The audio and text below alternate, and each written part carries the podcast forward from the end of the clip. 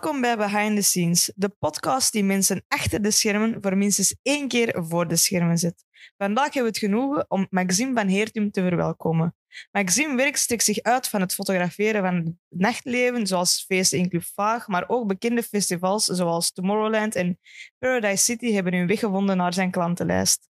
Behalve nightlife-fotograaf ontdekt hij ook graag de wereld om ons bewust te maken van de tradities en culturen die zich afspelen in andere landen. Zo heeft, hij onze, zo heeft zijn reportages al meegenomen naar uh, landen zoals India, Vietnam en Australië. De laatste jaren heeft hij zich gericht op het vastleggen van conflicten in Azië en Oost-Europa. En vorig jaar begaf hij zichzelf naar Oekraïne, waar hij de daden van de oorlogszones weergaf. Heel veel interessante onderwerpen om het vandaag dus over te hebben. Welkom, Maxime. Welkom, thank you. Ja, we hadden eerst een andere datum afgesproken uh, voor op te nemen, maar toen stuurde jij het coole bericht. Ik mag naar Tomorrowland om te gaan fotograferen. Ja. Hoe was het? Uh, fantastisch. Ja? Echt een uh, totaal andere wereld waar je ineens bent ingezogen. Super vermoeiend wel, maar echt een unieke ervaring, zeker als fotograaf, als mediateam. Ja. Want uh, wie heeft u gevraagd om naar daar? Echt Tomorrowland zelf? Ja, of? Tomorrowland zelf. Oké. Ja. Shout-out Eline Bouts, die mij ineens stuurde op Instagram. Echt? Ja. Maar zo, zo Alleen makkelijk niet, hè? maar zo is dat ja, gebeurd. En ook gewoon twee weken op voorhand of zo. Echt zo heel last minute. Oké. Okay. Ik dacht echt, dat ligt al een jaar vast Ja. of zo waarschijnlijk, die mediateams. Maar Die hebben, hebben die een eigen echt mediateam? die hebben echt wel een mediateam met een paar vaste waarden in. Zo Ja. mensen dat er echt al bijna tien jaar of zo werken als fotograaf. En dan af en toe zijn er precies wat meer freelancers zoals mij Ja. dat erbij geroepen worden. En ja, is dat echt zo een graaf en ander festival dan andere? ik vind echt wel. Het is, het is meer eh, een pretpark of zo. bij. Het is zo'n soort Efteling-ervaring. Elk detail, de productie. Het is, het is heel mooi om in, gewoon in rond te wandelen Ja. zelfs. Want was dat uw eerste keer dat je daar was? Eh, dit was de vierde keer. Ah, oké. Ik ben er één keer geweest toen ik 18 was. Dat moest ik zo echt iets gedaan Ja. hebben. En dan twee jaar gaan werken in een merchandise shop. Oké. En dan kun je ook zo gratis naar het Ja. festival. En krijg je betaald. Dus, Oké. Oh, oké. Dat is wel cool. ja, dus studentenjob, eh, merchandise in Tomorrowland. Place to be. Aanrader. Ja.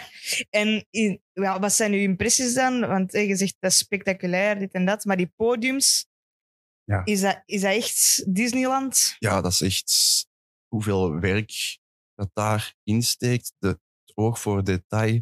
Elk hoekje, ik denk die mainstage, ik weet niet dat die 100 watervalkjes had of zo. Ik zeg maar iets, Ja. maar dat is echt... Oké, want hoe groot is dat? eigenlijk? Hoeveel stages zijn er? dat zijn 16 stages in totaal. Dus eh, ja, dat is ja, echt gigantisch. Ja. Ik was mijn trui vergeten in de auto. En ik heb anderhalf uur heen en terug moeten wandelen om mijn trui te gaan halen. Anderhalf uur Ja. heen en dan nog eens anderhalf uur... Nee, nee, in oké, totaal. totaal. oké. In to- anders zou het echt wel Ja, ik wou je zeggen, amai, dat is wel... Ja. Ja. Dat, dat is Ja, gigantisch. ik denk 90.000 stappen op drie dagen daar. Wat toch al degelijk is. Ja, dan kun je even rusten nu. Ja. Comfortabele zetel. Super. Oké. En ehm, die hadden nu dan gestuurd, hè, Tomorrowland, van yo, Maxime, wil je afkomen? En wat is uw briefing dan? Ehm, dus ik ben gevraagd specifiek voor de core stage. Dus veel fotografen krijgen zo echt zo'n stage toegewezen en artiesten dat ze zeker moeten shooten op die stage. Ja. Dus ik en Simon Loop waren de fotografen van de core stage. En hij heeft ook zijn eigen identiteit een beetje, want je hebt ook Core Festival sinds een jaar of twee, denk Mhm. ik. Dus wou de, de briefing kwam eigenlijk gewoon aan in de Media Village. En de briefing was, doe gewoon je ding. Het moet zo niet echt Tomorrowland-stijl zijn, zo niet te afgelekt of zo. Het mag zo iets rauwer zijn. En dat is ja perfect voor mij natuurlijk. Dus heel blij dat ik gewoon een beetje mocht kiezen. Ja, want ik had ook gezien bij je foto's, want ja, je had er al een paar online gezet, dat jij soms ook gewoon zo bomen of lucht Ja, fotografeert. Ja, ja, ja. ja, soms is dat gewoon dat ik zo'n exposure check doe of zo. Of kijken hoe dat mijn flash staat. Maar dan vind ik dat beeld aftrekt wel heel mooi. Ja. En dan begin ik daar zo wat mee te experimenteren. Of ik kan nou eens een boom trekken. Of... Ja, en zijn dat Ja. dan dingen dat je ook doorstuurt? naar- Ja, ja, ja, zeker. En die zijn zelfs wel al gebruikt geweest. Oké, oké. Ja, maar ja, het was ook wel, de core stage was ook zo eh, de stage in het bos. Dus ja, die bomen, ja, dat hoort er ook wel echt Ah, bij, oké, ja, zo. vind ik. Wat voor muziek is dat dan, dat ze daar eh, spelen? Ehm, ik ben echt totaal geen muziekkenner. Nee. Maar het is zo niet techno, maar ook niet house. Maar zowel zo vaak iets sneller, zeker tegen het einde toe. Ja. Maar niet zo crazy of zo. En is dat ding dat jij zelf ook tof vindt om Ik te... vond dat heel goed. Ik hou ook wel van techno en harde techno en zo, maar om dat dan acht uur per dag mee te maken, zou wel wat intens zijn. Ja. Dus ik ben blij dat het begon echt heel chill en rustig. En, En hoe ziet zo'n dag eruit? Ehm, opstaan en meestal is er zo nog een kleine meeting in de media office tegen half twaalf. Ja. Ehm, dus dan ben ik eigenlijk gewoon uit mijn tent gerold een stevige kater, gedoucht, naar daar gegaan. eh even meeting, kijken wat we vandaag gaan doen, of er dingen veranderen of niet. En dan is het gewoon ja, gaan. En dan elke dag verwachten ze toch ook wel drie drops dat je doet. Ja. hè, dat je je foto's komt editen even, upload, dat ze direct kunnen posten. En hoeveel, ehm, hoeveel foto's leverde jij dan zo op een dag? Ehm, op Tomorrowland denk ik tussen de 100 en de 200 per dag ongeveer. Per dag, oké. Ja. Dus dat is wel kritisch zijn in wat je afgeeft. Ja. Vermoed ik. Ja, ja. En ehm, het ding is, ik had die foto's ook gezien en ik had zo het gevoel dat jij echt dicht bij de mensen staat. Van eh, Ja, qua- perspectief of zo. Ja, qua perspectief. Ja. Is dat omdat jij echt mee in die massa gaat? Of, Ja, ja, uiteraard. en hoe gaan mensen daarmee om? Eh, op Tomorrowland, eh, op elk festival is dat een beetje anders. Maar die mensen ja, die zijn vaak heel blij dat ze zo op beeld gaan komen van Tomorrowland. Dus meestal vinden die dat wel chill. Oké, dus die zijn er niet al te moeilijk over. Nee, die, nee. Sommige, ja, de meeste beginnen zo echt, zo echt harder te dansen. Echt? Of zo, zo woel te kijken. Ja, oké. Dan denk jij, let's go. Ja. Want eh, bijvoorbeeld nu zo in het nachtleven heb je wel zo dat er veel meer restricties komen op dat mensen niet gefotografeerd willen worden of dat ze zelf telefoons afplakken en zo in Mhm. clubs. Hoe gaat jij dat? Allee, denk je dat dat iets standaard gaat worden? Eh, ik zie dat wel meer en meer ook. Ja. En ik vind dat wel heel nice. Zeker als je foto's trekt. Je hebt heel vaak mensen met iPhones of andere gsm's Ja. in de hand die aan het filmen zijn. En na een tijd begint dat wel een beetje ambetant te worden. Ja. Je wilt een shot pakken met veel energy in een nachtclub. Van, eh, handjes in de lucht, je kent het wel. Maar dan zijn dat ja, allemaal gsm's in je frame. En dat is niet zo mooi. Nee, maar het ding is aan het feit bijvoorbeeld dat mensen effectief niet gefotografeerd willen worden. Mm, op bepaalde feestjes. ja, ja, nee, die zijn er. Eh, maar dat is ook direct duidelijk. Dan kijken die gewoon weg. Ja, Of dan, dan steken die hun hand voor hun gezicht Ah, ja, en dan ga ik ook niet nee, verder op in natuurlijk. Oké. Ja. Want eh, wat, eh, wat is het belangrijkste als jij zo, eh, bijvoorbeeld in, in Club Valk zeg je nu ook dat je daar ook, ehm, als het seizoen gewoon bezig is, twee keer in de week naartoe gaat. Ja. Wat zijn zo de belangrijkste dingen voor u om vast te leggen daar? Ehm, ik focus me heel veel op mensen, dus echt portretten. En dan kijk ik naar kledingstijl of energie en de manier van dansen, emoties. Eh, en dan ja, de klassieke overzichtshots natuurlijk, dat een club nodig heeft Ja. voor social media. En van der juist zei ook, je wordt zo wakker met een kater. Is er Ja. jij iemand die nog wel zelf meefeest? Als... Eh, ik maak het altijd wel plezant. Ja, ja. Ik probeer ook zo wat in dezelfde sfeer te zijn als de mensen natuurlijk. Want dat is totaal anders als je daar sober rondloopt, vind ik, dan als je een paar vodka Red hebt gedronken. Ah, is dat echt een ding? Ja, ja, ja. Echt? ja ik ben daar, ze kennen mij in de vaag wel van ja, dat is vodka Red Bull, maar Ja. veel fotografen, hè? Vodka Echt? Red Bull, ja. Ah, ja, maar ik, ja, ik bedoel het feit, ik weet niet of... Ik, tijdens concerten drink ik wel niet. Ik Ah, wel. niet? Ja? Nee, Ja. ik ken niet. Ah, wauw. Nee, ik doe, ik, nee, wel daarna of zo. Kan Nee, dat wel eens ja. gebeuren, maar niet tijdens. Omdat ik, ik ben niet potzat of Nee, zo, nee, hè, maar... nee. Ah, ja. to, to get the edge off. En ik fotografeer ook wel altijd heel dicht bij mensen. Dus dat helpt wel om een beetje losser te Ja. zijn. En socialized je dan echt met die mensen? Ehm, soms, soms niet. Nee. Hangt wel van de moed af, maar meestal niet, want dan moeten ze op beginnen roepen een luide ja, is, dat is ook wel. en wat zijn zo no-go dingen eh, voor zo, ja, zo van die festivalfotografen of eh, clubfotografen? Eh, witte t-shirts dragen. Ah, oké, ja. Ja. Nee, dat is grappig. Het, eh, ja, het mediateam is altijd gewoon helemaal in het zwart. Ja, Precies of zo een metalband zijn of zo. zie, voilà. Dan komen we terug naar onze scene. Ehm, en heb je zo'n ding bij Tomorrowland dat je gezien hebt, dat je echt dacht van, amai, deze is mega graaf? Die lichtshow gewoon eh, en dat vuurwerk. Zeker zo laatste half uur begint zo op verschillende plekken dat vuurwerk af te gaan. En die lasers zijn ineens kei intens. En dan stond ik daar zo in het midden van dat publiek aan mijn stage. En dan zo achter mij vuurwerk, daar vuurwerk, daar vuurwerk. Overal lasers en superveel energie. Het is gewoon zo even zo... Wauw. Zijn er dingen dat je eigenlijk op zo... eh, Want je wordt daar dan voor ingehuurd. En je hebt dat een hele dag voor 100 à 200 goede foto's af te leveren.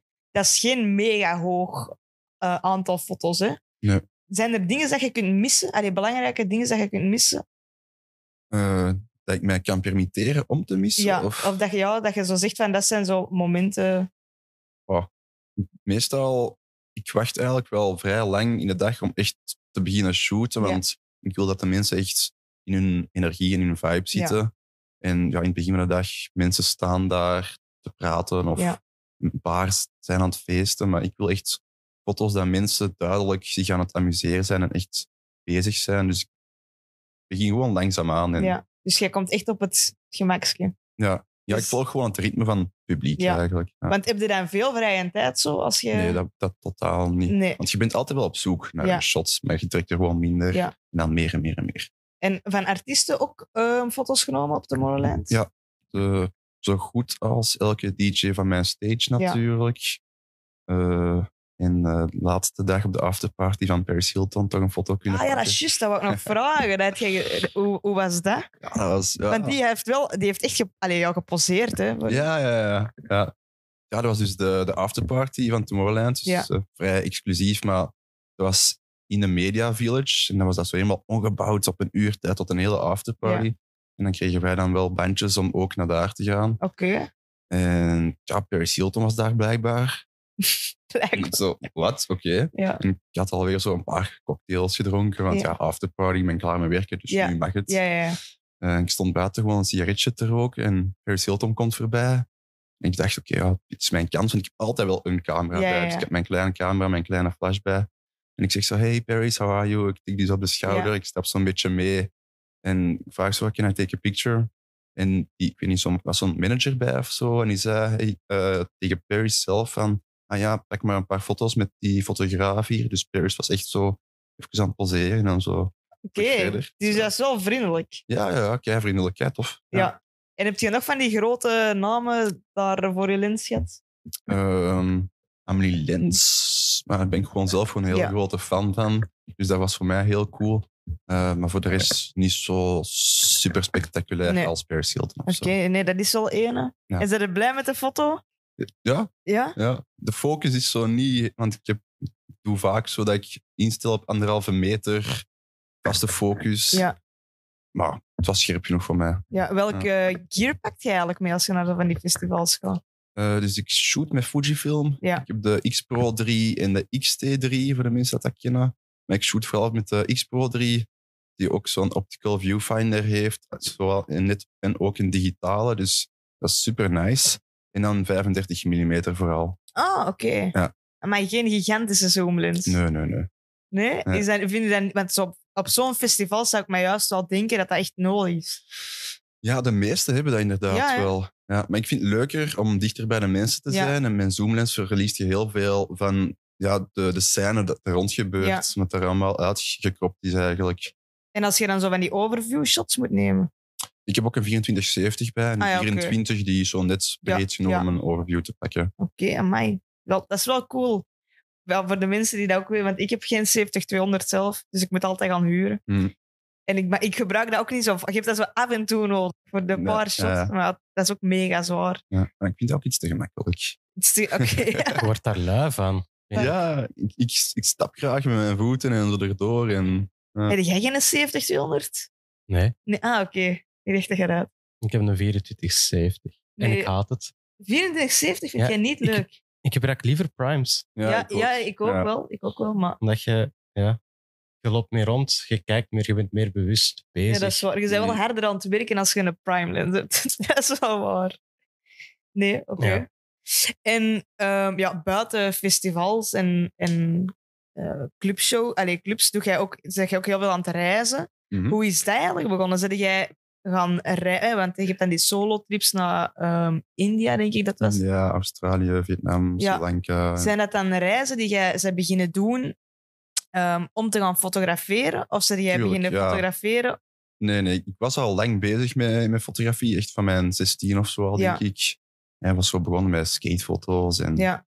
bladibladibla. en dan dat reizen is gekomen. Ik was eh, gefaald met mijn tweede studie in het hoger onderwijs, denk ik. Wat heb je gedaan? Ik heb eerst multimedia gedaan, Ja. Thomas More, maar dat was het niet. En dan heb ik grafisch ontwerp gedaan op Sint-Lucas in Antwerpen, twee jaar. Ja. Dat was het dan ook niet, blijkbaar. en dan was ik zo van, oh, wat moet ik nu doen? Ja. En mijn mama zei zo, ah ja, ik heb op het internet gelezen dat je een jaar naar Australië kunt backpacken. En dacht zo, ah ja, dat is wel een tof idee. Ja. Dus ik ben gewoon naar Australië vertrokken een paar maanden later. En van daar is dat, dat reizen beginnen rollen. En ik had dan ook ja, mijn camera bij, mijn laptop, mijn, mijn flash. Ja. En ik heb zelfs in Australië dan ook weer verder die events geshoot en zo. Oké. Echt wel coole dingen, zo, zo echt zo een bootfeestje en zo vaste fotograaf in een club op een moment. Ja, dus Oké. En Ja. waar in Australië was dat dan? Vooral in Sydney. Ja, ja. Dat is hoofdstad, hè? Nee. Nee, shit. Melbourne is hoofdstad. Nee, Nee, nee, ook nee, de hoofdstad is een hele onbekende. Ah, oké. ja. Dat waren wel twee kent grote steden. Dat, dus... Twee grootste, denk ik. Ja. En in een club zelf terecht geraakt. Hoe heb je Ja. dat gefixt? Via via ook weer eh, iemand, iemand kent en dan komt op één feestje terecht en dan ja, dat, dat rolt heel snel. Ja, en uit dat backpacken, want je bent dan een jaar weg geweest. Ja. Wat heb je daaruit geleerd? Want je gaat dan een jaar weg. Ja, Een beetje, ja. allee, lopen van je probleem. Dat is niet lopen van je probleem, maar het is wel zo'n beetje ontsnapping van Ja. wat er hier aan het gebeuren is. Ja, dat is wel zot, hè. Je zit zo op dat vliegtuig, zo helemaal alleen. Met zo 1000, 2000 euro of zo op je bankrekening. En dan moet je zo, oké, ik moet nu een jaar alles zelf fixen. Ja. Ja. En was dat dan een werkvisa? Of, eh, Ja, working holiday is dat in Australië. En dan heb je daar andere dingen ook allee, moeten werken als... Ah ja, ja. ja. Want eh, het is heel populair om daar zo farmwork te doen. Dus op zo boerderijen kunnen zo, eh, oftewel gaan plukken, echt, of echt van alles. Ja. En als je dat 88 dagen doet, als ik mij niet vergis, dan mocht je een tweede jaar blijven. Ah, oké. Ja, en daarom doen heel veel mensen, dat is heel slim, want die hebben geen immigratie, want dat is een eiland. Ja. Ze hebben bijvoorbeeld veel Polen of zo, die in een bouw komen werken. Ja. Of- En dan... hoe- Dus als je daar 38 dagen werkt, ja, dan, dan, dan, moet je een je- tweede visum aanvragen. Ja. Maar dat heb jij niet gedaan. Ik denk dat ik eh, 86 dagen heb gehaald. Oh, oké. Ja, Wacht, maar stom. 88 dagen, dat is, dat is wel best veel. Ja, dat is drie maanden of zo, Drie maanden, vergis, ja. bijna. Ja. Ja, van u. En heb je daar echt 12 maanden gezeten? Ja. Oké. En Ik ben tussendoor wel zo eens... Ja, want Azië is dichtbij, zo eens naar Bali gevlogen of naar Vietnam Ja. of zo. En is dat dan, dus als je daarvoor werkt, dat is ook, je krijgt geld om daar dan te Ja. leven? Of is dat dan zo in ruil voor overnachting? Of? Eh, meestal krijg je wel betaald eh, bij die farmjobs. Ja, ja. Ik ben daar een tijdje truckchauffeur geweest op een, eh, een van de grootste boerderij, allee, farms van Australië. Ja. Grappig. En hoe heb je je fotografie daar eigenlijk in verwerkt? Of wat zijn dingen dat je daar gefotografeerd hebt? Ehm, ja, zo ah, klassieke reisfotografie, denk ik. Ja. Eh, ik was toen ja, vooral... Ik had niet echt zo'n visie of een doel. Gewoon alles wat ik mooi vond of interessant, stok ik foto's van. Maar nu als ik ga reizen, probeer ik zo meer zo te documenteren. Zo van, wat is dat hier en wat zijn de verschillen of tradities. En, maar in het begin is dat gewoon heel... We gaan begonnen met mooie foto's maken. Want je hebt ook bijvoorbeeld hè, bij je andere eh, landen dat ik gezien had op je website, heb jij heel vaak dat jij l- mensen hebt die wel in je lens kijken. Ja. Ehm, allee, van je portretten dat je dan maakt. Mhm. Hoe doe je dat dan? Want die spreken waarschijnlijk niet altijd vlot Engels. Nou, soms totaal geen Engels ja, zelfs. hoe probeer jij daarmee te communiceren? Eh, met handen en voeten gewoon. Eh, ik weet nog dat ik in, in Sri Lanka ook eens was en ik rijd over een, een brug met een brommer en ik zie zo beneden een guy, zo'n een boerachtig iets met zo allemaal bisonachtige beesten, zo door het water stappen en zo. Ja, Dus ik klim zo van die brug en ik ga er zo naartoe. En hij was kei vriendelijk en was zo ja, in zijn taal aan het spreken en ik dan in het Engels, maar we verstonden niks van elkaar, maar toch gewoon zo met mijn handen en voeten Ja. en, en wijzen. En, oké. ja, En dan neemt jij foto's terwijl dat jij die uitleg aan Ja, want ja, ik kom er al aan met mijn camera. Hangt Ja. altijd wel ergens. Dus je Ja. zie wel, ja, oftewel ah, ja, een toerist weer met zijn camera Ja. of een fotograaf. Maar die vinden dat niet erg. Of, heb je al zo... Nee, veel mensen zijn altijd zo een beetje vereerd, vind ik. Echt? Ja, die zijn er zo heel blij, want ah, je wilt van mij een foto nemen. Dat betekent dat je mij wel interessant vindt. Ja. Of, dat. Want van waar is dat eigenlijk... Van, vanuit waar is eigenlijk vertrokken? Dat je zo gaat reizen en... Je zegt eerst is dat reisfotografie, nu is dat veel meer documenteren. Hm. Van waar komt dat? Ik weet het niet. Ik, eh, dat is zo geëvolueerd. Ik vind dat interessant voor een of andere reden. Dat is ook het leuke aan fotograaf. Je kunt in alle scenes, in alle culturen zo een beetje makkelijk inpikken. Want je hebt zo een beetje een, een pas, hè, je camera, om dan zo mee te mogen in hun cultuur of in een bepaalde underground scene of zo. Nou, dus dat heb je wel echt al gemerkt dat je hebt je camera bij en die hebben dan wel door van die, die mens wil die het ja, vastleggen. veel mensen vinden dat tof. En zeker in zo uh, armere landen komen zelfs soms, vooral in India was dat Ja. er echt zoveel mensen van bij mij komen, take a picture of me, take a picture. Echt? Ja, ja. Ah, oké, dat is wel lachen. ja. En wat zijn zo wat de activiteiten dat je gedaan hebt daar? Ehm, als ik rondreis, is het eigenlijk gewoon zoeken waar dat ik een brommer kan huren of een motto of iets. En dan gewoon rijden en gewoon echt gewoon random. Je hebt geen plan. Nee, Nee, soms zoek ik zo wel dingen op, zoals het er in de buurt is of zo. Maar meestal komt je de, de leukste plekken uit dat je nooit op het internet of zo gaat kunnen vinden. En ehm jij bent altijd alleen dan, vermoed ik? Ik vertrek, al, ik vertrek altijd Ja. alleen, maar natuurlijk, je slaapt in hostels Ja. met allemaal mensen van uw leeftijd. Dus je komt echt veel mensen tegen. En dan was ik Lucy, die was ik tegengekomen in Vietnam op mijn derde dag. En dan hebben wij gewoon drie weken samen rondgerezen. En een jaar later ben ik naar India gegaan. En dan was zij in Cambodja of zo. Ik zeg zo, ah, wilt je niet naar India gaan? En zegt, ah ja, ik wou dat wel doen, maar ik wou niet zo graag alleen gaan. Eh, Als meisje Ja. is dat iets loesjer, zou ik zeggen. Ja. En is die gewoon naar India gevlogen en hebben we daar nog anderhalve maand samen nog rondgereisd. Dus Oké. ik vertrek altijd alleen, maar je bent eigenlijk nooit alleen. En, hoe, en hoe vaak ga je zo per jaar op reis? Zoveel mogelijk probeer ik dat te doen. Ja. Eh, tegenwoordig is het al wel iets drukker. Dat ik niet meer zo een maand of twee maanden of drie maanden weg kan gaan.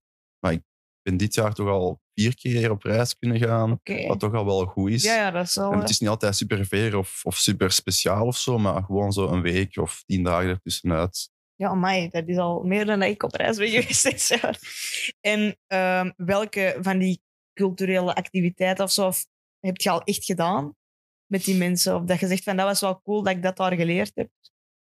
Ehm, ja, moeilijk om daar zo direct een voorbeeld in te vinden, maar daar gewoon bij die mensen zijn. Ik weet nog dat ik zo eens toevallig geëindigd was eh, bij een tempel. Dat was in Indonesië, maar het soort tempels waar dat toeristen naartoe gaan om te bewonderen. En dan Ja. zo'n tempel waar dat echt de mensen naartoe gaan, de locals. En dan daar terechtgekomen, daar gestopt en dan als enigste blankje rondlopen. En die mensen waren zo van, wow.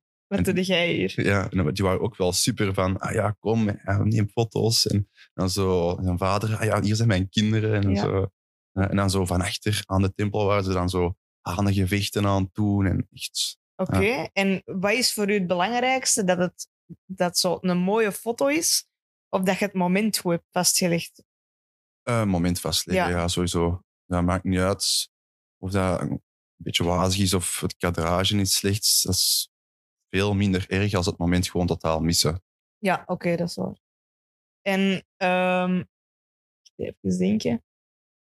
Is dat dan niet vermoeiend als je zo heel een tijd op reis bent? Want je bent, ook, allee, je bent wel op reis, maar je bent ook wel dingen aan het doen. Mm. Snap je? Ja. Je bent ook wel de hele tijd aan het denken van... Ah, ik weet niet of dat je er nu naartoe gaat van ik moet foto's hebben. Of dat je zo nog altijd hebt van het moet wel ontspannend zijn of zo. Zeg je het meer als Mijn reizen zijn nooit...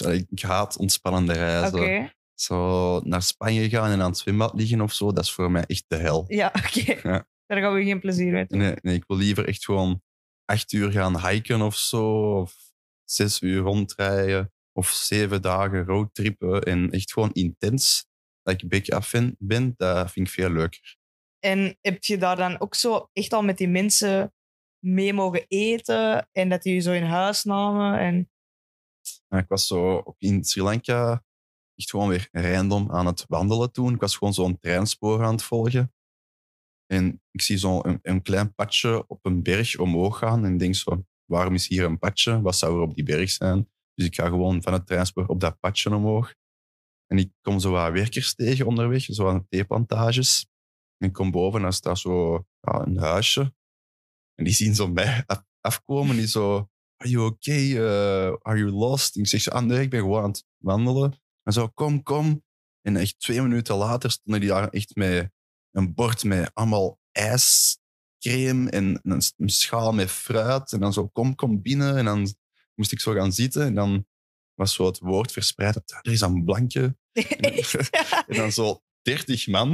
Ik heb daar zo een filmpje van, dat is super grappig. En dan zit ik zo en dan zitten zo 30 man gewoon rond u, allemaal zo echt te staren naar u. Oké. Ja, En leuk. Ja. Ja, super gastvrij. Ja. is dat iets wat jij hier wel mist als je dan Ja, terugkomt? ja, altijd als ik terugkom, ik zo reverse culture shock. Ja. Dat wij leven echt met, met oogkleppen op of zo. bijna. Eh, ja, daar staat echt community meer. Ja. En zeker in, grotere steden, als Antwerpen, Brussel, verdwijnt dat een beetje. Ja, Ja. het- wat is hetgeen dat je dan voor dat hier mist, wat daar dan veel meer is? Ja, goed. Ik weet nog, ik, was, ik kwam eens terug van een reis en er was iemand, een zaakuitbater, die zijn bord naar binnen wou zetten, maar die was zo aan het sukkelen met de deur. En er loopt echt zo 30 man, hè, allemaal voorbij. Iedereen ziet dat, maar niemand doet iets. Ja. En daar, iemand zou direct gestopt zijn en even gewoon die deur tegenhouden Ja. of zo. Oké, dus het zit zo wat in die kleine Ja, dingen. die kleine dingen, ja. Ja, ik snap. Ja, ik heb ook wel het gevoel.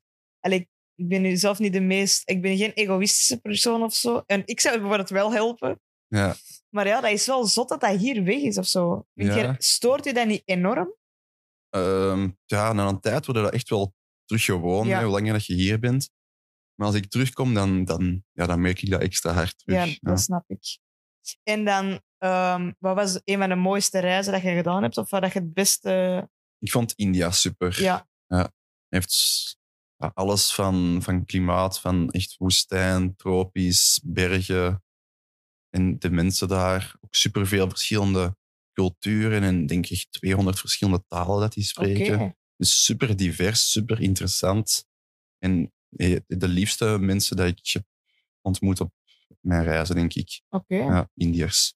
top, top. men- Ja, en goed eten ook al, denk ik. Oh, wow, maar dat was bijna vergeten. Fantastisch. ja, Eh, ja, Dat kost ook echt maar een euro of twee, maar dat is, dat is het beste eten dat er bestaat daar. Ja, want kost dat eigenlijk heel veel als je zo gaat reizen? Nee, ik ben echt wel zo ik, budget traveler, Ja. zoals veel backpackers ook wel zijn. En denk met ik weet niet, 800 euro kan ik wel een maand. Oh, Reizen of zo. Ja. En hoeveel zijn die vluchten? Hoeveel is dat zo? Allee, Ja, de vluchten natuurlijk, hè, dat is het enigste dure. Ja. Daarmee, daarmee dat het beter is om echt zo ineens een paar maanden te gaan. ja. Dan kun je de prijs, allee, dan maakt dat minder uit. Ja. Eh, ja, India was dan 500 heen en terug of zo, denk ik. Maar echt met zo van die zotte overstappen. wel. Ah, dat je zo dat je zo lang- 36 uur onderweg bent. Oh. Ja, dat doe ik dan wel. Maar als je dan Ja. drie, drie maanden gaat reizen, dan maken die 36 uur niet zoveel uit. ja, dat is waar. Want waar heb je allemaal bij als je dan zo... Ehm, klein rugzakje. Australië was mijn eerste grote reis. En dan had ik echt wel een grote rugzak bij en nog een kleine rugzak. Ja. Maar de laatste keren ben ik... Ja, die is ja, gewoon zo een North Face rugzakje. En daar steek ik mijn laptop in, harde schijf, camera, twee lenzen. En dan zo een paar onderbroeken en Ja. t-shirts en zo. Niet gewoon... veel kleren. Nee, Ja, je kunt wassen, hè. ja, elke, elke dag gewoon zo even onder de douche of onder de kraan Ja. met wat zeep en dan laten drogen en En zijn er nog geen dingen kwijtgespeeld? veel. Ja? Vooral sokken. Ah, oké, ça va. Maar geen camera Ah, nee. of zo. Eh, in- niet. In België wel, in Antwerpen. Oei, maar gepikt of kwijtgespeeld? Ik heb dat in een taxi laten liggen. Oh. En ik bel dan een taxibedrijf, maar ze hadden niks gevonden, Aha. zeggen ze. Ja, Dus ja, dat, was, dat eh, gaan we geloven. dat sukte. Ja, we hebben dat ooit eens gehad, een vriendin met mij. We kwamen terug van het feest en iemand had zijn gsm vergeten in de taxi. Hmm. Dus die was echt gelijk vijf minuten weg. En we bellen die in de taxi van, ja, joh, die gsm ligt daar nog. En die zo, ja, is goed, kom terug dat je 50 euro betaalt. Lol. Dat Wat? was 10 euro, hè. Eh, Wat? 10, 10 minuten was die weg, hè. Kan toch niet? Dat is echt niet normaal. En bij u, ja, ik vermoed dat iemand anders niet met uw camera gerief. Eh, Ja. dat maar is- op reis nog niks gestolen of... eh, denk het niet. Wel veel mijn bankkaart of zo kwijtgespeeld op reis. echt? Ja, zo domme dingen. Hoe doet het dan nu? Ik weet Dat, dat niet. dat is nu iets wat ik wel met mijn leven bewaar. Ja, ik ook normaal. Ja, reis minder. zat, zat zijn. Ah, Ja. zo. Ja, is dat ook veel feesten zo op reis gaan? Ah, af en toe wel. Af Ja, en toe wel. Af en toe wel. Ja. Ah, echt, zeker die hostels, dat is allemaal zo twintigers. Ja. Zit die allemaal bij elkaar in een vreemd land en geeft die een beetje bier. En, En hoe is dat bier daar? Dat is, is dat minder... allee, Of is alcohol zo in andere landen? eh, ja, Australië is super duur, Ah. super gereguleerd. Ik denk eh, om negen uur of zo dat de alcohol dat je dat niet meer kunt kopen in de winkel. Dus je moet echt zo plannen als je wilt gaan drinken of zo. Ja, maar bier over, overdreven duur. Hoeveel is dat? ik weet het niet, ik denk op café was dat 8 Australische dollar. Wat dat 6 euro is, denk ik, voor een pint. Oh, dat is wat tegenwoordig wat we hier betalen. Ja, ja. Voor u een duvel. Godverdomme. Maar sigaretten in Australië, Ja. dat is ik denk 35 euro voor een pak saffen. Oh, Ja, Dan 20. ja. Oh, Maar ja, ja. Wat heb je toen gedaan? Leren rollen. Ja, ja. Maar ja, dat is toch zo'n land waar dat ze dat echt allemaal aan het bannen zijn, niet? Eh, ik weet dat niet. Er is toch zo'n land dat als je Ah, geboren bent... Nieuw-Zeeland. Ah ja, dat, hè, dat je, ja. Zo, dat je Ja. niet meer mocht roken. Ja, dat is wel zot. Ja. Maar er komt toch een zieke zwarte markt. Ja, ja, uiteraard. Ja. Ja, dat is... Ja, maar het, gaat wel heel veel helpen, denk ik. Ja, ja, gast, nu is het al fucking duur. Ja. Sigaretten. Rollen, hè? Ja, nee. hè. Nee? Ah.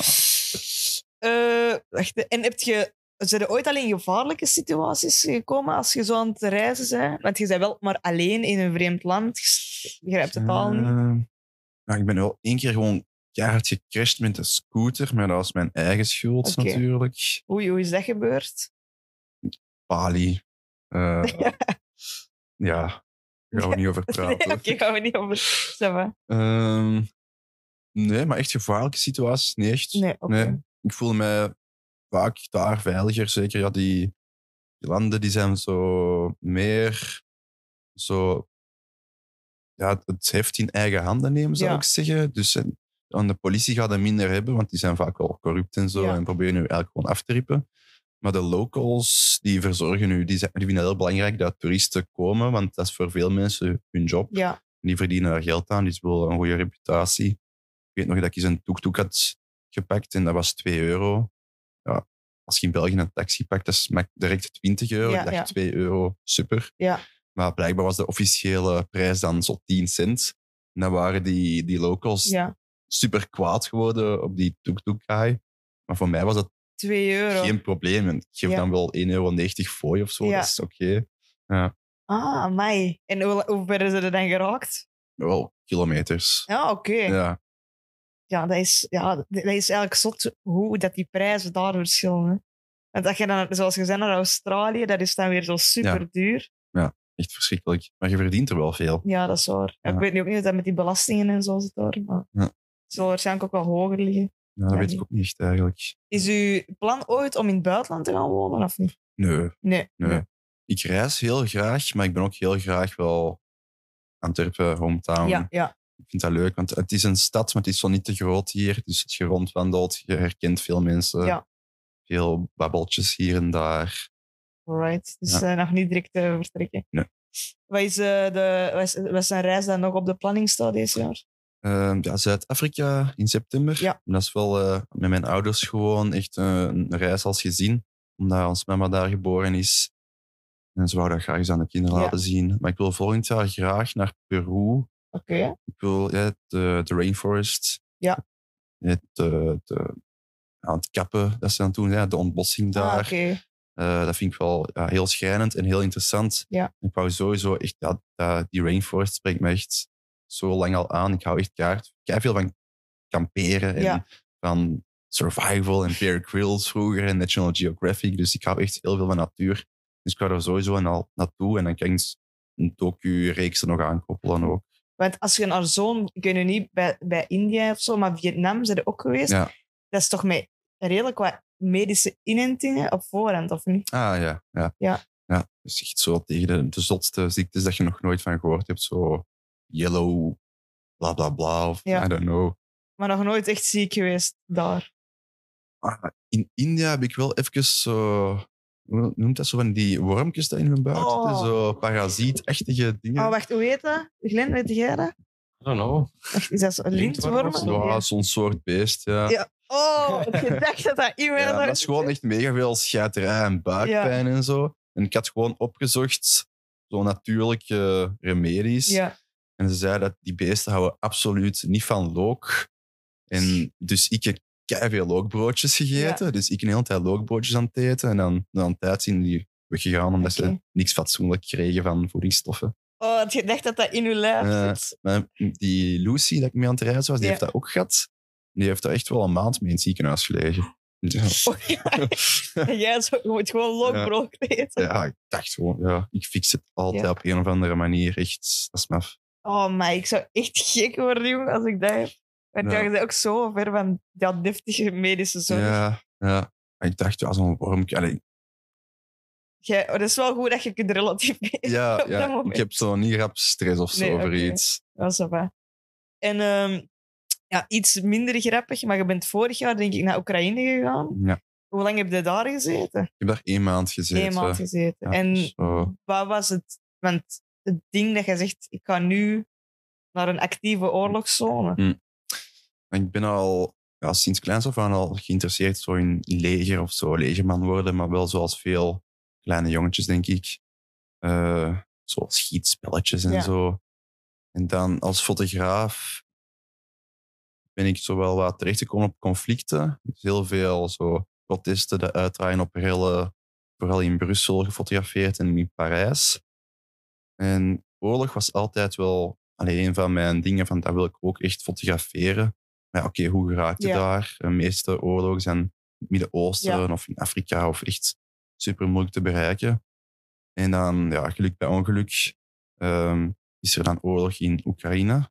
En dat is ja, twee landen doorrijden en je bent daar. Ja, Dus ik was toen ook vaak, mijn overbuur, ex-overbuur, eh, is van Oekraïne. En we waren er al lang over bezig.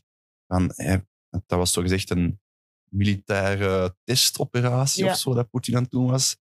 En hij vertrouwde dat niet. En ik zei, ja, ik vind het ook wel wat louche, maar ze gaan toch niks doen en bla bla. En dan ineens toch wel.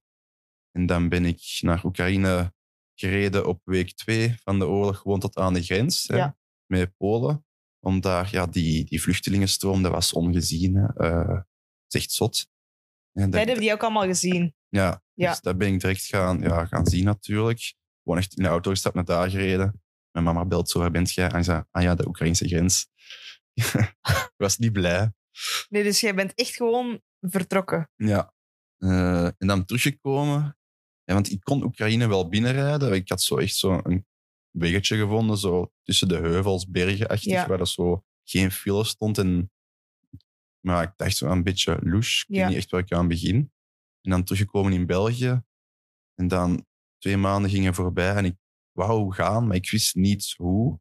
Ik ken daar ook niemand of Nee. zo. En dan was ik aan het fotograferen op een event in Antwerpen. En dan was ik tegen een vriendin van mij bezig, eh Oriane, ook een fotografe. En ja, ik wilde naartoe, want ik die grens gedaan. Maar en dan zei ze, ah, een goede vriend eh, van ons is Bruno Beekman. En dat is eh, een Belgische reporter. En die was toen echt vaak in het nieuws en, en in Oekraïne.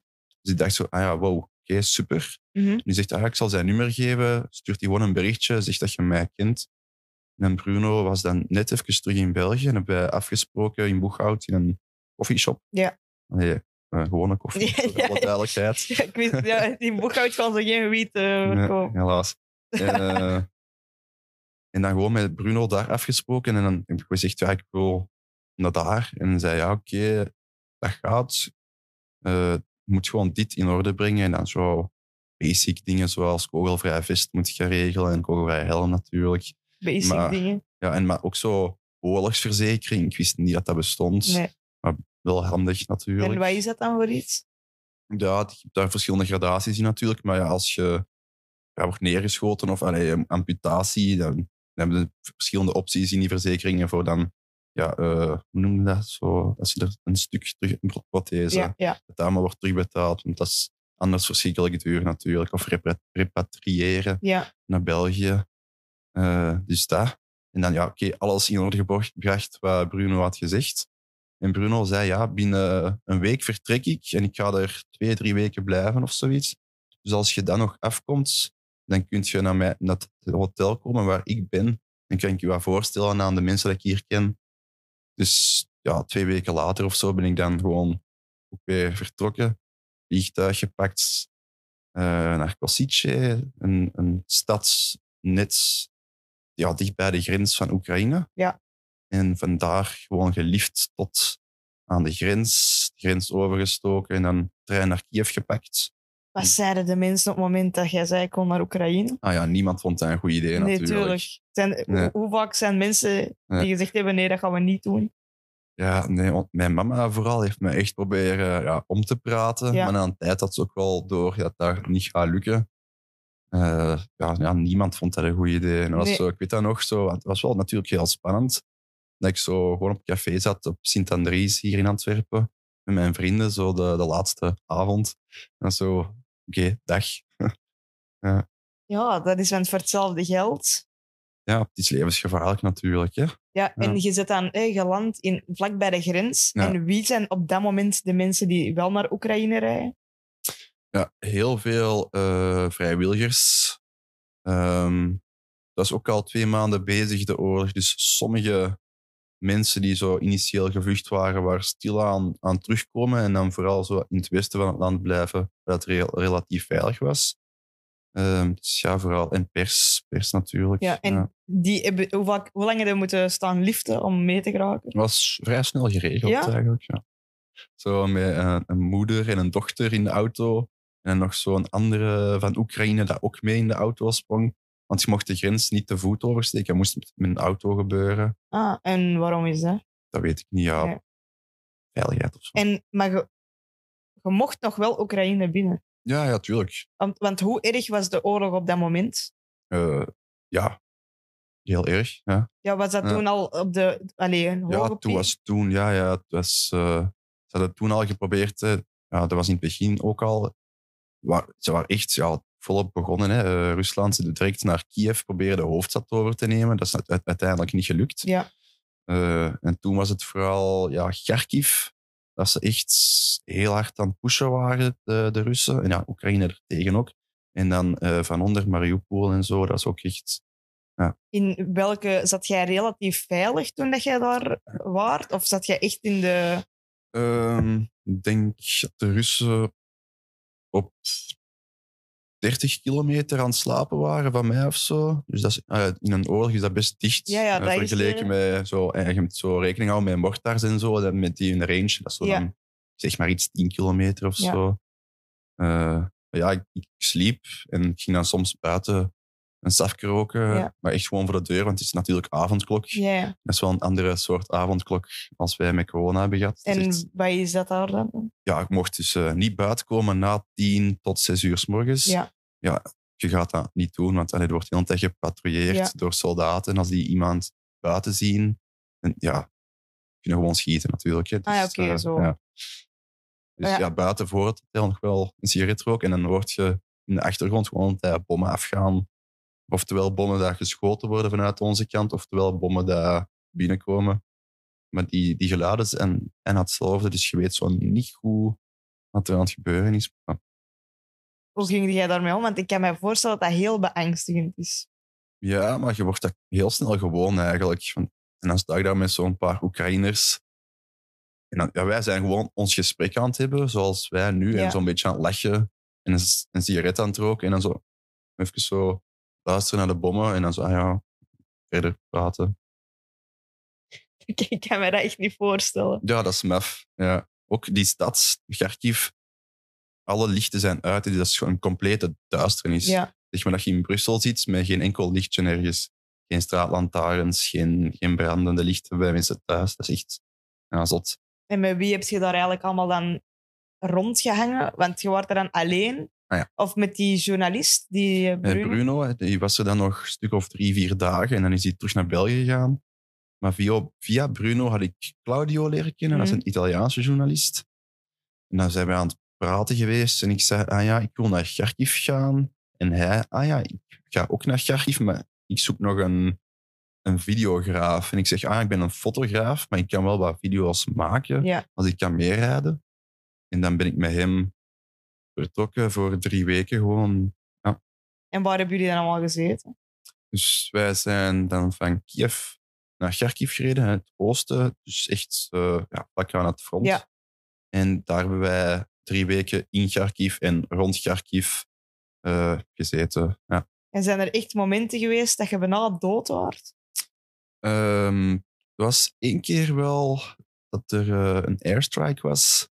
Eh, we waren zo ik een uurtje op een plek in een dorp dat net was bevrijd. Gewoon even ja, aan het rondkijken. En ja, we gingen dan een klein beetje verder. En dan zo tien minuten later, zo echt exact op de plek waar wij stonden, zijn er zo, ik denk vier airstrikes. Ja, en dan zie je ineens al die rook daar. En dan zijn wij gewoon in de auto gesprongen en terug naar die plek gereden. Nou ja, je ziet, ja, die Oekraïners, ja, die waren... ah, dat is totaal chaos. hè. Je rijdt daar echt door eh, rook van bommen. Alles is kapot. Die staan daar met hun kalasjnikovs. Die zijn helemaal gestrest natuurlijk. Dan komen er nog eens van die ambetante journalisten ertussen gereden. Dus die zeggen echt, ja, oké, bol, bol af. Ja. En echt zo, hey, bliat. En je ziet zo hun safety van hun geweer uitzetten en zo richten. En zo, ik ben ook de chauffeur. Ja. En maar Claudio is ja, ervaren. Die is ook guerrilla geweest. Dat is zo'n soort privéleger. En die heeft ja. tegen ISIS gevochten en zo. Dus hij, hij pusht zo wel. Hij zegt Ja. zo, nee, blijf nog even. En ik zeg zo, ja, maar die gast wil dat wij wegrijden. Moeten wij dan niet wegrijden? En zegt, oké, oké, oké, go, go. Ja. Dat is wel... Want op dat moment zit het, zit het ook bang. Adre- adrenaline, adrenaline, echt. Ja. Enkel bang geweest op rustige momenten dat we echt heel ver geraakt waren. En dat we echt zo een zandweggetje, een zandweggetje hadden. En dat we dachten, oké, ja, achter dat stukje bos of zo kan eh, Russische linie zijn. Ja. Dan is zo stemmen in de auto van, oké, gaan we nog verder rijden of niet? Ja, ik wil dan wel, maar je denkt zo, ah, dat is niet zo'n goed idee, maar eh, misschien wel. En dan toch zo trillend je hand bijna opsteken. Maar het was 2-2, dus dan zijn we toch maar teruggegaan. Want hoe hard volgt je buikgevoel dat je daar bent? Want eigenlijk, je weet eigenlijk niks, hè? Ik ben ook tot, ik ken daar ook helemaal niks Nee. van. Hè? Dus eh, ik ben heel blij dat ik Claudio ben tegengekomen. Want allee, dat is ook gewoon, die heeft militaire ervaring.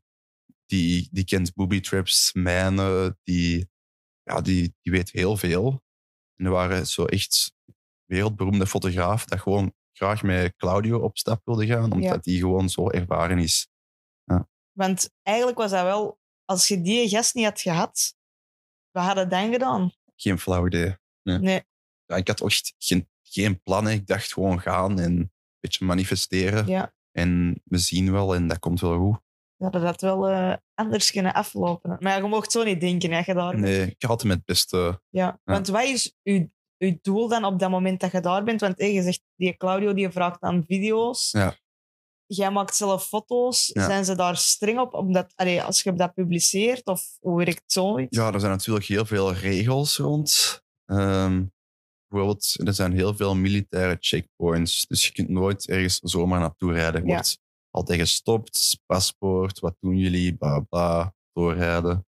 En dat om de zoveel kilometer of zoveel honderden meters, hangt er vanaf hoe dicht dat je bij de, de frontlinie komt Ja. natuurlijk. Ehm, ja, en vaak zeggen ze dan, ja, het is daar te gevaarlijk, eh, jullie mogen niet door. Maar ja, ze willen waarschijnlijk ook gewoon niet dat wij ja, foto's, video's maken van strategische posities. Ah ja, zo. Die dan als domme idioten online gaan zitten. Ja. Dus dan moeten wij ook buiten het Russische leger te ontwijken, soms ook het Oekraïnse leger ontwijken, door echt gewoon ja, rond die checkpoints te gaan rijden. En dan proberen zo verder te raken, wat meestal wel gelukt is. Ja. Maar dan, ja, dan heb je zo, dan rijd je toevallig door een mijnenveld of zo. Ja, je, je rijdt zo de hele tijd door een veld. Je denkt, zo, oké, dat is een goede weg hier. En dan zie je zo op het einde van dat veld zo een bordje mina, zo'n mijn, zo die kant. En zo, ah ja. En dan lachen wij zo, want oké, dat was dom. Ah. vermijden wilt gaan. Ja, ja, ja.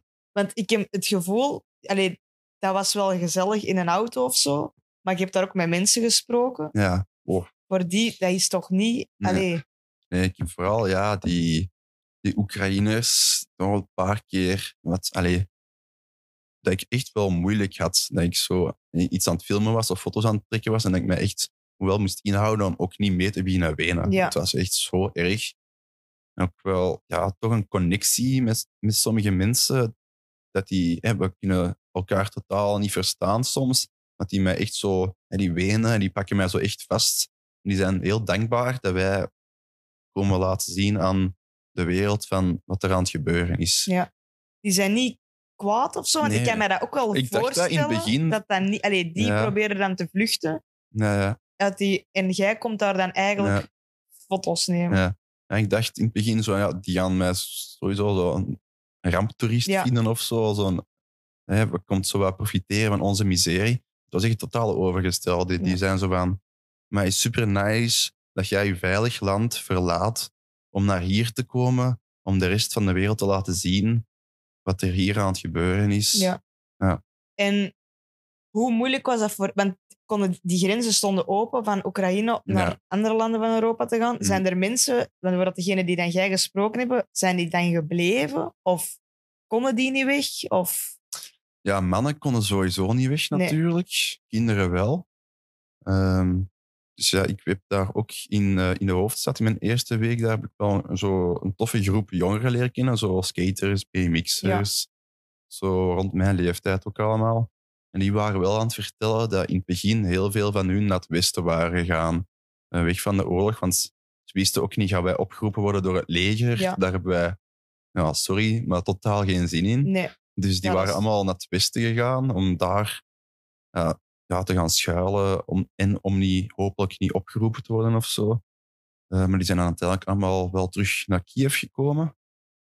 Ehm, ja, en ik heb nog veel contact met mensen daar. En dan ook afgelopen winter was het dan moeilijk met, met stroom. Hè. Ze waren toen echt elektriciteitscentrales aan het targeten. Hè. Rusland tegen Oekraïne. Echt wel eh, een voze truc is in oorlog. Maar ja, oorlog is altijd. Ja. Zodat mensen ja, in de winter gewoon hun verwarming niet kunnen opzetten. Dus ik was, ja, oké, en hoe is daar? En ça va. En dan zo Instagram-stories. Want Instagram is van deze tijd. Dus je kunt echt gewoon op, op de voet volgen wat er gebeurt. Zo stories dat die met, met kaarsjes in de living of zo zitten. En ja, Ach, dat is wel zot, hè, ja, eigenlijk. Ja. Dat, dat, je ziet dat nu allemaal. ja, hè. je kunt alles op de voet volgen tegenwoordig. Dat is echt zot. Ja, en heb je met veel militairen kunnen praten? Of vonden die dat niet chill? Ehm, sommige. Ja. Ja. En wat voor verhalen komen daar dan uit? ja, veel verhalen van militair heb ik niet gehoord. Of daar hebben we het toch al sinds niet over gehad. Maar nee, meestal als ik zo met die militairen praatte, dat was dat meer zo over gemeenschappelijke interesses of zo. Van waar bent jij? En het was zo niet over... Ja, geef mij je meest sappige oorlogverhaal. Nee, nee, nee, nee, nee. Maar ook staan die, want die moeten toch echt, allee, je zit daar een oorlog aan het vechten. Die mensen, die zijn toch niet 100% meer. Eh, Merkte dat aan dingen? Goh, ik weet wel dat hè, hoe dichter dat je bij de frontlinie komt in de supermarkten, dat alle vodka weg is. Ah ja, Dat die gewoon uitverkocht is. Ja. Dus ik weet wel dat veel mensen dat sowieso naar grijpen. Eh dat er ook een lange tijd alcoholverboden zijn geweest en zo. Ehm, ja, maar ik zie het ook langs de andere kant, de jongeren die ik heb leren kennen, die BMX'ers, die skaters. Een van die gasten die heeft zo een soort vrijwilligers eh, trainingskamp opgesteld in de buurt van Kiev. Dat noemt ze Backyard Camps, als ik mij niet vergis. Ook te vinden op Instagram. Alles op Instagram. En die, ja, die leren dan gewoon mensen ja, schieten en, en alles. Dus ja, Dat is wel, dat is toch keiraar. Ja dat is zot. Want wat was, toen dat jij daar kwam, wat staat er dan eigenlijk nog? Want je zegt nu supermarkten, dat is er een alcoholverbod. Ja, Maar nee. Ja, stel je voor dat je een stad als Brussel hebt. Hè. Kharkiv is iets kleiner als Brussel, denk ik. En daar waren dan nog wel zo drie supermarkten of zo. ja, Maar nog wel redelijk goed bevoorraad, vond ik. maar die zijn, daar zit personeel of dat is Ja, ja, ja. Er zijn altijd mensen die zoiets hebben van fuck you, ik ga hier niet weg. Het is mijn land, mijn stad. Eh, ik zorg dat hier alles blijft draaien, want als wij ook weggaan, wie gaat het dan doen? Dus ik heb daar wel zo, ja, zelfs de kaatsvrouwen van de hotels of zo, dat, dat nog blijven van... Want waar hebben jullie altijd geslapen dan? eh, we hebben geluk gehad dat we nu altijd wel een hotel konden vinden. Oké. Ehm, en dat zit dan ja, gewoon vol met pers, leger, vrijwilligers. En zijn er beelden dat jij bijvoorbeeld hebt gezien ehm, vanuit media dat niet klopte? Of hoe heb jij dat... Ja, die supermarkten bijvoorbeeld. Allee, dat is heel makkelijk om te doen. Ja. Zo een, een lege rayon filmen. En als je naar links en rechts kijkt, zie je zo gevulde groenten en fruit of zo. Ja. Oké, Ja. dus dat is zo echt het ergste van het Ja, maar dat, allee, dat is soms wel een beetje nodig natuurlijk, zodat Ja. mensen het serieus zouden nemen. Ja. Dat snap ik wel. Ja, Want wat is het belang eigenlijk van zoveel journalisten en fotografen op zo'n plekken te hebben? ja als, stel je voor dat er geen waren, dan, Ja. dan zou niemand het weten. En dan zouden geen inzamelacties zijn. Dan zouden er geen vrijwilligers van Duitsland helemaal naar daar rijden. Met hun eigen auto, die zelf dingen hebben opgehaald om daar te gaan brengen. Dus ja, Ja. heb je daar veel Belgische fotografen ontmoet? Of ja, ik weet eigenlijk niet, met alle respect, wie dat, dat in België... Allee, nee, ik, dat gaat niet één persoon zijn, vermoed ik, maar... ik heb eigenlijk geen enkele Belgische fotograaf ontmoet. En ik weet eigenlijk niet welke Belgische oorlogsfotografen er nog zijn. Ja, Toch zeker niet van mijn leeftijd of zo. Ja, je hebt wel veel journalisten, Ja. als Rudy Franks en Ja. zo natuurlijk. Maar is dat uw allee, droom? Dat is nu heel vreemd, maar is dat wel zo wat uw ambitie? ja, Want er zijn wel foto's dat nu echt in de... Allee, uw verhaal en zo is ook in de krant gekomen, dat Ja. jij daar rond aan het uh, was. Ja, ja, ja. nee, inderdaad. Ehm, nee, conflicten zeker. Ja. Ehm, Ik heb daar ook samengewerkt met Fabio Bucciarelli. En de meeste mensen gaan die natuurlijk niet kennen, maar die heeft de Robert Capa Gold Medal eh, gewonnen. En dat is, ja, dat is de Nobelprijs van conflictfotografie eigenlijk. Dus echt een stotte gast.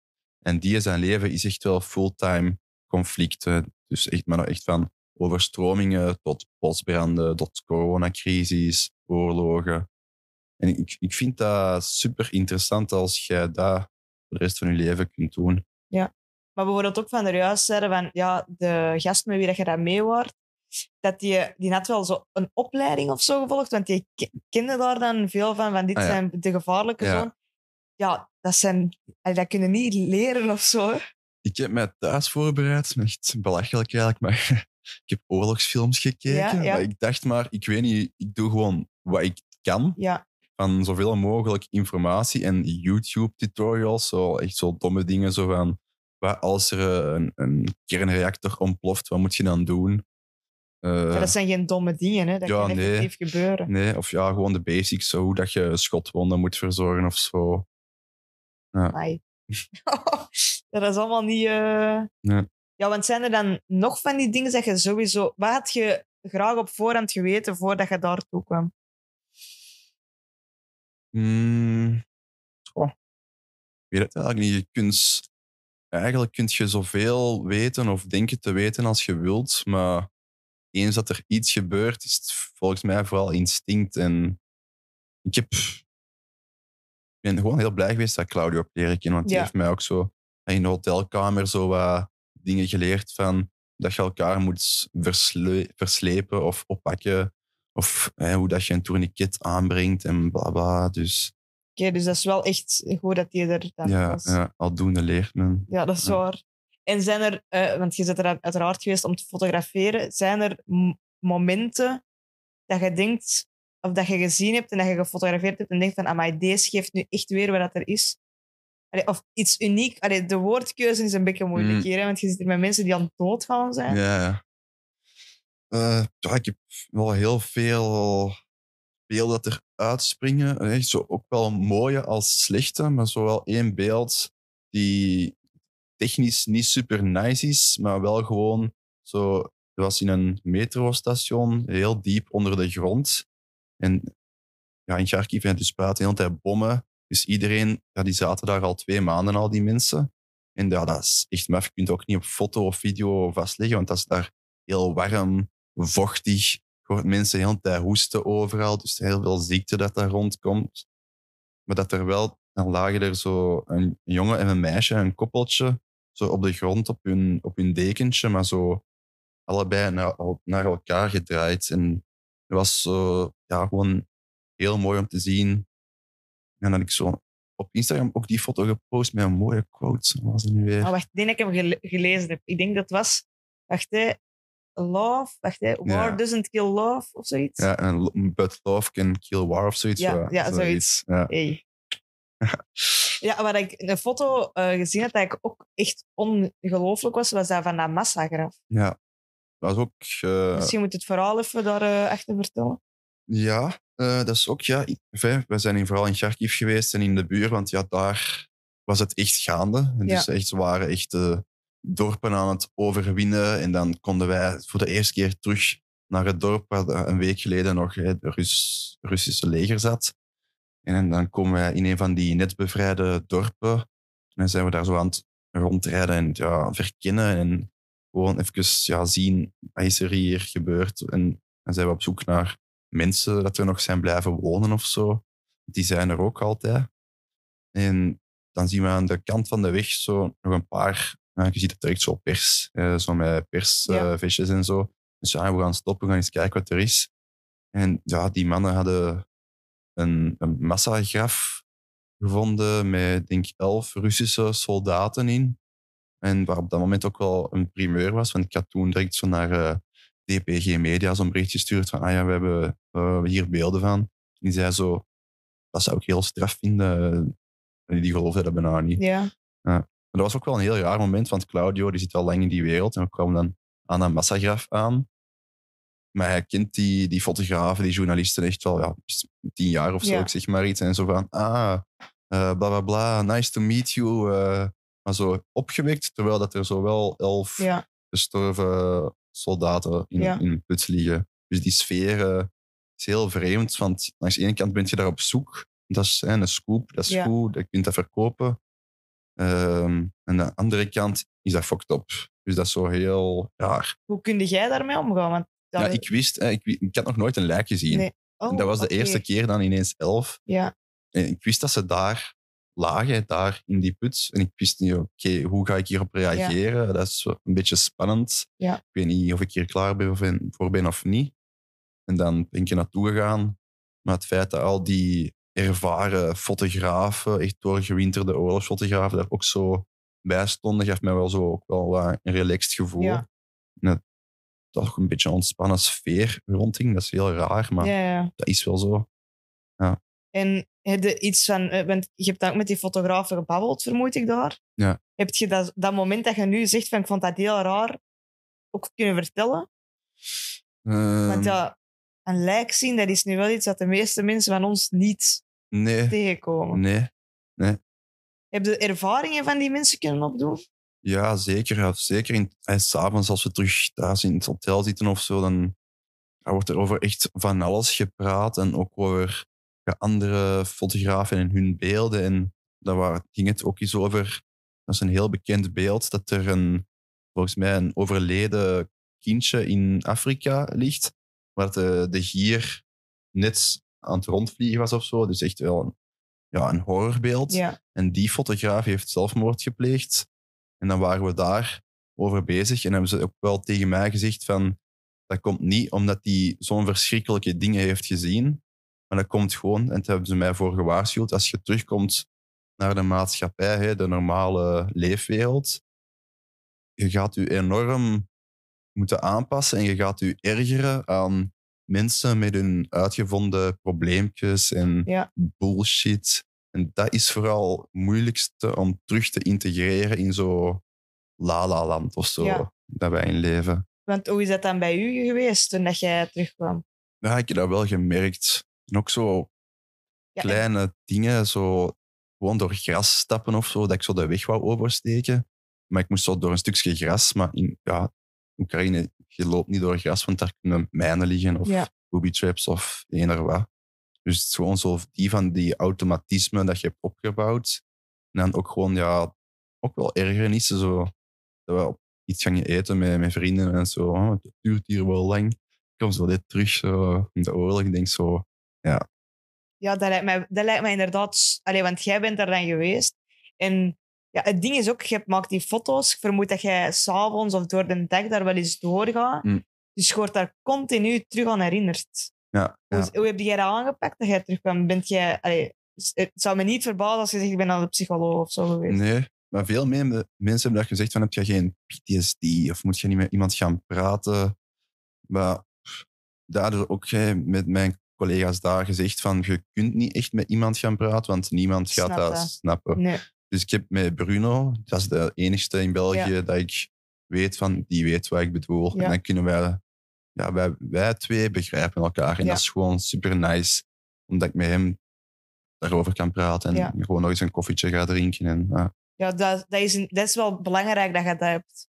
En zeker. wat is een goed ja, documentatie slechts oorlogsbeeld? Want je zegt, er worden letterlijk prijzen voor gegeven. Mhm. Dus dan is er wel iets dat nog criteria of zo heeft om dat te behalen. ja, ja, symbolische waarden, politieke waarden. En dan gewoon natuurlijk eh, het- hoe het in beeld is gebracht. Claudio had toen gewonnen met een, een reeks, ik weet niet meer waar dat was, maar het, de- ook de eerste foto van het lijk van Saddam Hussein gefotografeerd. Dat die zo net werd buitengedragen toen hij was neergeschoten door, I don't know, ik denk Amerika trouwens. Mhm. En hij had daar zo de eerste foto van, dus... Ja, maar je moet die gast maar eens opzoeken. Ja. Die maakt echt En wat is zijn. Instagram? Of zo, Instagram. Ja, je kunt best een website checken, Ja. denk ik. Eh, Fabio Pucciarelli. Ik ga, er wel eens, ik ga het niet eens proberen spellen. dat is weer. En eh, nadat je terugkwam, heb je wel, denk ik, volgens mij een expo gedaan Ja. met dat werk. Ja. Hoe was dat? Ja, ik had sowieso al een expo gepland, maar ik wist zo nog niet hoe, welke foto's dat ik ging laten zien. En dan besloot ik om naar Oekraïne te gaan. En dan heeft die gast van de expo gezegd van, ah ja, we kunnen dat wel doen. Dat is natuurlijk super actueel. Eh, en heb ik daar inderdaad kunnen tentoonstellen voor twee maanden. En dan zijn er ook wel heel veel Oekraïners komen kijken. En dan, ja, soms wel zot. En dan kwam ook zo'n meisje binnen. En ik heb dan zo'n grote foto van een flatgebouw. En daar was zo de eerste raketinslag geweest in Kiev. Zo echt zo'n groot stuk uit dat flatgebouw. En zo, ah, wow, eh, een vriendin van mij die woont daar. En zo. Het is- Dat is wel zot van die mensen. Die hebben een persoonlijke band met Ja. sommige beelden. Maar dat is wel eh, very wild. Ja. En ehm, heb je nog plannen om nu terug te gaan? Ik zou zeker nog wel eens terug willen gaan. Ja. Gewoon nog eens gewoon om al die mensen dat ik in Kiev heb leren kennen, hè, die, die jongeren, Ja. om die terug te zien. Want ik ben daar echt wel drie, vier keer mee uitgegaan. Ja. Niet echt, maar zo ja, bij hun thuis ja. en dan een verjaardag meegemaakt van iemand. En, ja, dus dat was wel heel leuk. En zeker om de situatie op te volgen, zou dat interessant zijn. Ja. Maar dan moet ik een opdrachtgever hebben. Nu kun je daar niet maar zomaar, zomaar naartoe gaan. Dat gaat, maar dat is heel duur. Ja, oké. ja. Want allee, de enige hotels dat er toen open, misschien dat ik nu wel eh, bij, in Kiev bij die mensen kan slapen Ja, ja. natuurlijk of zo. Maar toen, ja, dat hotel was 60 euro per nacht. Ja, oké. En als je daar dan een maand bent, Ja, begint dat dat wel wel duur door. op hè. te tellen. Ja. Alright, nee. Ja, ik vond het is misschien zo wat heavy om mee af Mhm. te sluiten, maar ik vond het wel mega, mega interessant. Dus Ja. Maxime, ik wil je super hard bedanken om af te komen. Ja, bedankt. Ehm, dan wil ik nog iedereen bedanken die gekeken of geluisterd heeft. En dan zien wij jullie binnen twee weken terug. Ciao. Bye.